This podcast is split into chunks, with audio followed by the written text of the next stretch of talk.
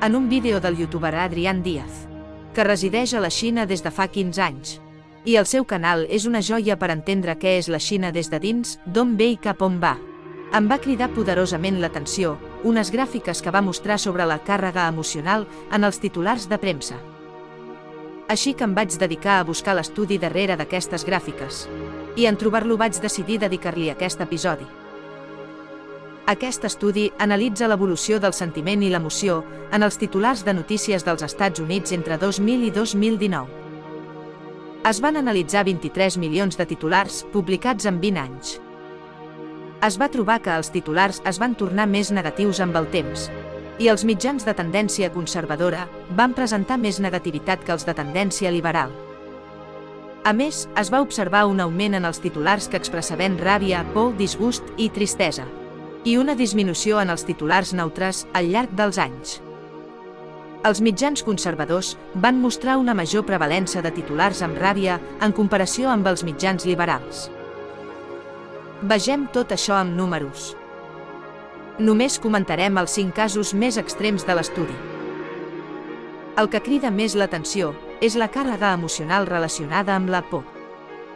Els titulars d'aquest tipus han crescut un 150%, van passar del 6% l'any 2000 al 14% el 2019. És a dir, el 14% dels titulars estan tenyits de por per dir-ho d'alguna manera.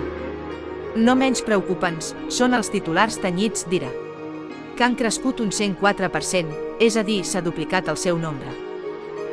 Passant del 6% l'any 2000 a més del 12% el 2019. En tercer lloc, venen els titulars carregats de tristesa, que han crescut un 54%. Van passar del 8% al 2000 al 12% al 2019. En quart lloc, hi ha els titulars que expressen fàstic, que han crescut un 29%. Van passar del 5% l'any 2000 al 7% al 2019. I en cinquè lloc, hi ha els titulars tenyits d'alegria, que gairebé només han crescut un 14%, però oscil·lant amunt i avall en els últims 20 anys, al voltant del 4 i el 6%. L'última dada és la més rellevant i va en perfecta consonància amb l'anterior.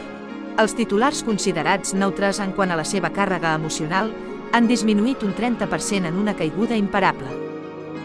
Passant del 70% l'any 2000 a menys del 50% el 2019. L'anàlisi de càrrega emocional d'aquests 23 milions de titulars de premsa en anglès, de 4 a 7 mitjans de premsa yanquis, es va realitzar gràcies a un algoritme d'intel·ligència artificial, entrenat justament per a l'avaluació de càrrega emocional en textos. A la descripció de l'episodi et deixo l'enllaç a l'estudi que està publicat amb accés lliure. Datòfils Busquem, analitzem i compartim dades. Escolta'ns a YouTube, Telegram o a la teva app de podcast.